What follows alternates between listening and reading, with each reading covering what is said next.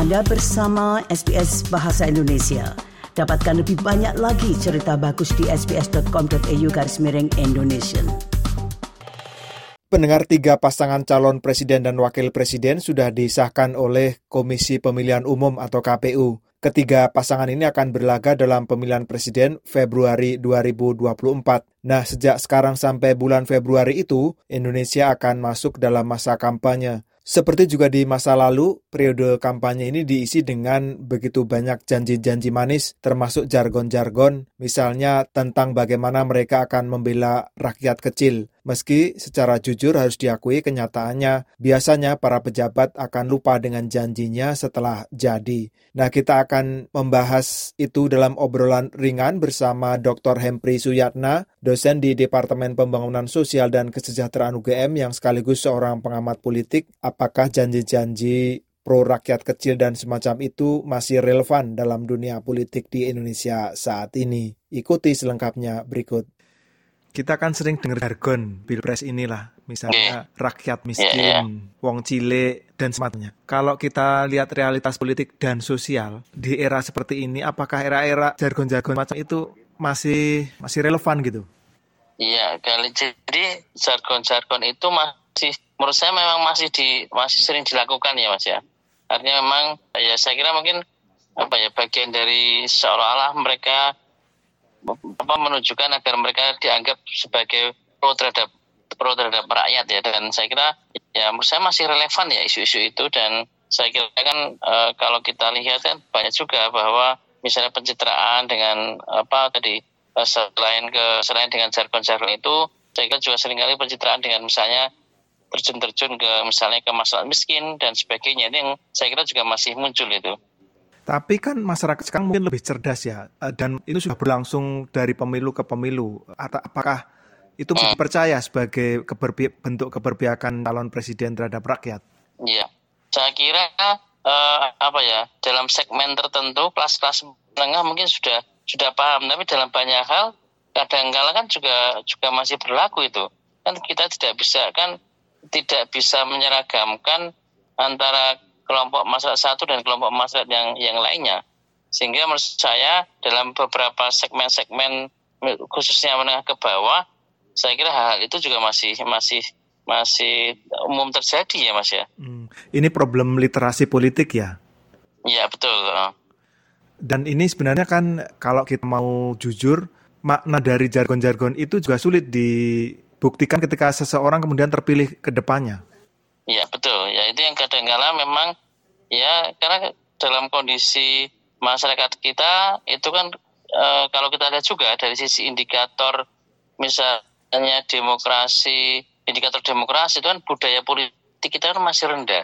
Nah ini ini yang sering kali itu juga dimanfaatkan oleh para elit politik. Kadang-kala di sebagian besar masyarakat itu kan kadang-kala sudah cukup puas ketika dia bisa menggul ya atau bisa me, me, apa, berhasil untuk me, menjadikan seseorang menjadi misalnya bupati, gubernur atau presiden. Tapi setelah itu kadang-kadang mereka juga lupa untuk mengawalnya itu. Ini yang yang membuktikan bahwa sebenarnya budaya politik kita itu masih sangat atau kurang lah, masih rendah gitu. Nah, apa kemudian tantangan yang bisa di atau cara yang bisa dipakai untuk? Ya, ya itu yang memang untuk peran-peran dari tadi edukasi, ya itu tadi edukasi politik ya yang saya kira menjadi menjadi penting. Karena selama ini kan uh, apa ya karena seharusnya fungsi-fungsi edukasi politik kan dilakukan oleh berbagai berbagai elemen ya. Entah itu dari misalnya perguruan tinggi itu dari dan termasuk sebenarnya partai-partai politik sendiri yang seharusnya punya peran strategis dalam rangka untuk memberikan edukasi-edukasi politik. Itu sayangnya ya tadi banyak kemudian partai-partai politik kita itu kemudian juga cenderung kemudian pragmatis ya ya hmm. yang akhirnya menyebabkan kemudian ya edukasi edukasi politik macam itu itu akhirnya kemudian tidak bisa ter, terrealisasi. Pada kenyataan politiknya sulit bagi capres untuk tidak memihak kepada uh, apa oligarki ya kepada pemodal sehingga sulit juga mengejebantahkan slogan membela wong cilik itu.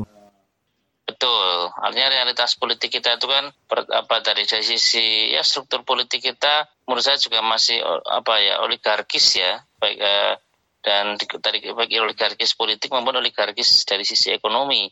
Sisi lain tadi high cost politik itu itu akhirnya kemudian menjadikan kemudian uh, apa ya ya tadi calon penguasa itu akhirnya lebih berpihak pada tadi kalangan pemuda daripada kemudian akhirnya ke masyarakat bawah. Sisi lain tadi karena sisi lain masyarakat bawah itu kontrol sosialnya lemah, budaya politiknya itu rendah, sehingga kadang-kadang fungsi-fungsi pengawasannya pun menjadi kurang optimal.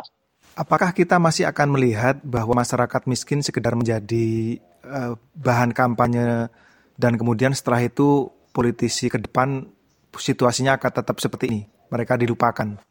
Ya, ya harapannya tidak demikian ya tentunya. Harapannya kan ya masyarakat miskin harus tidak tadi jangan mudah untuk kemudian dipolitisasi, ya tidak mudah untuk dikooptasi dan tentunya mereka punya kontrol sosial terhadap misalnya siapa pun yang dipilih dalam konteks legislatif maupun uh, eksekutif ya. Ini yang saya kira harus harus muncul di situ.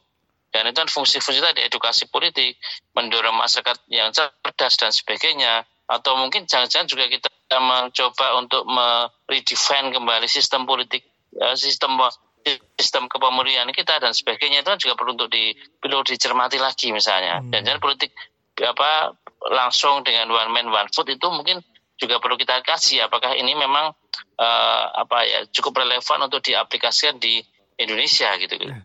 Tapi apakah teori bahwa politik bisa meningkatkan kesejahteraan masyarakat itu bisa dibuktikan, Pak Embri?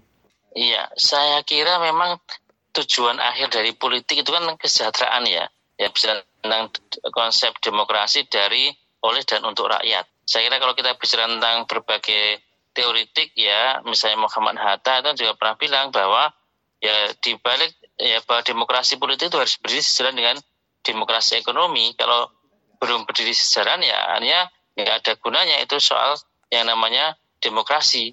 Nah dalam konteks inilah sebenarnya ya eh, apa namanya eh, perlu untuk itu. Saya kira banyak kok juga loh. Saya kalau di level-level lokal itu bagaimana kemudian politik itu benar-benar kemudian bisa kesehatan. Saya kira banyak ya kasus-kasus best practices di level lokal yang eh, saya kira itu juga apa menarik untuk kita kasih bahwa ya politik itu uh, untuk kesejahteraan kesejahteraan rakyat itu. Ya. Terakhir nih berarti ke depan kampanye ini tiga bulan ke depan sampai menjelang pilpres kita akan lebih sering mendengar bagaimana masyarakat miskin itu di kanan kiri isunya untuk kepentingan politik ya.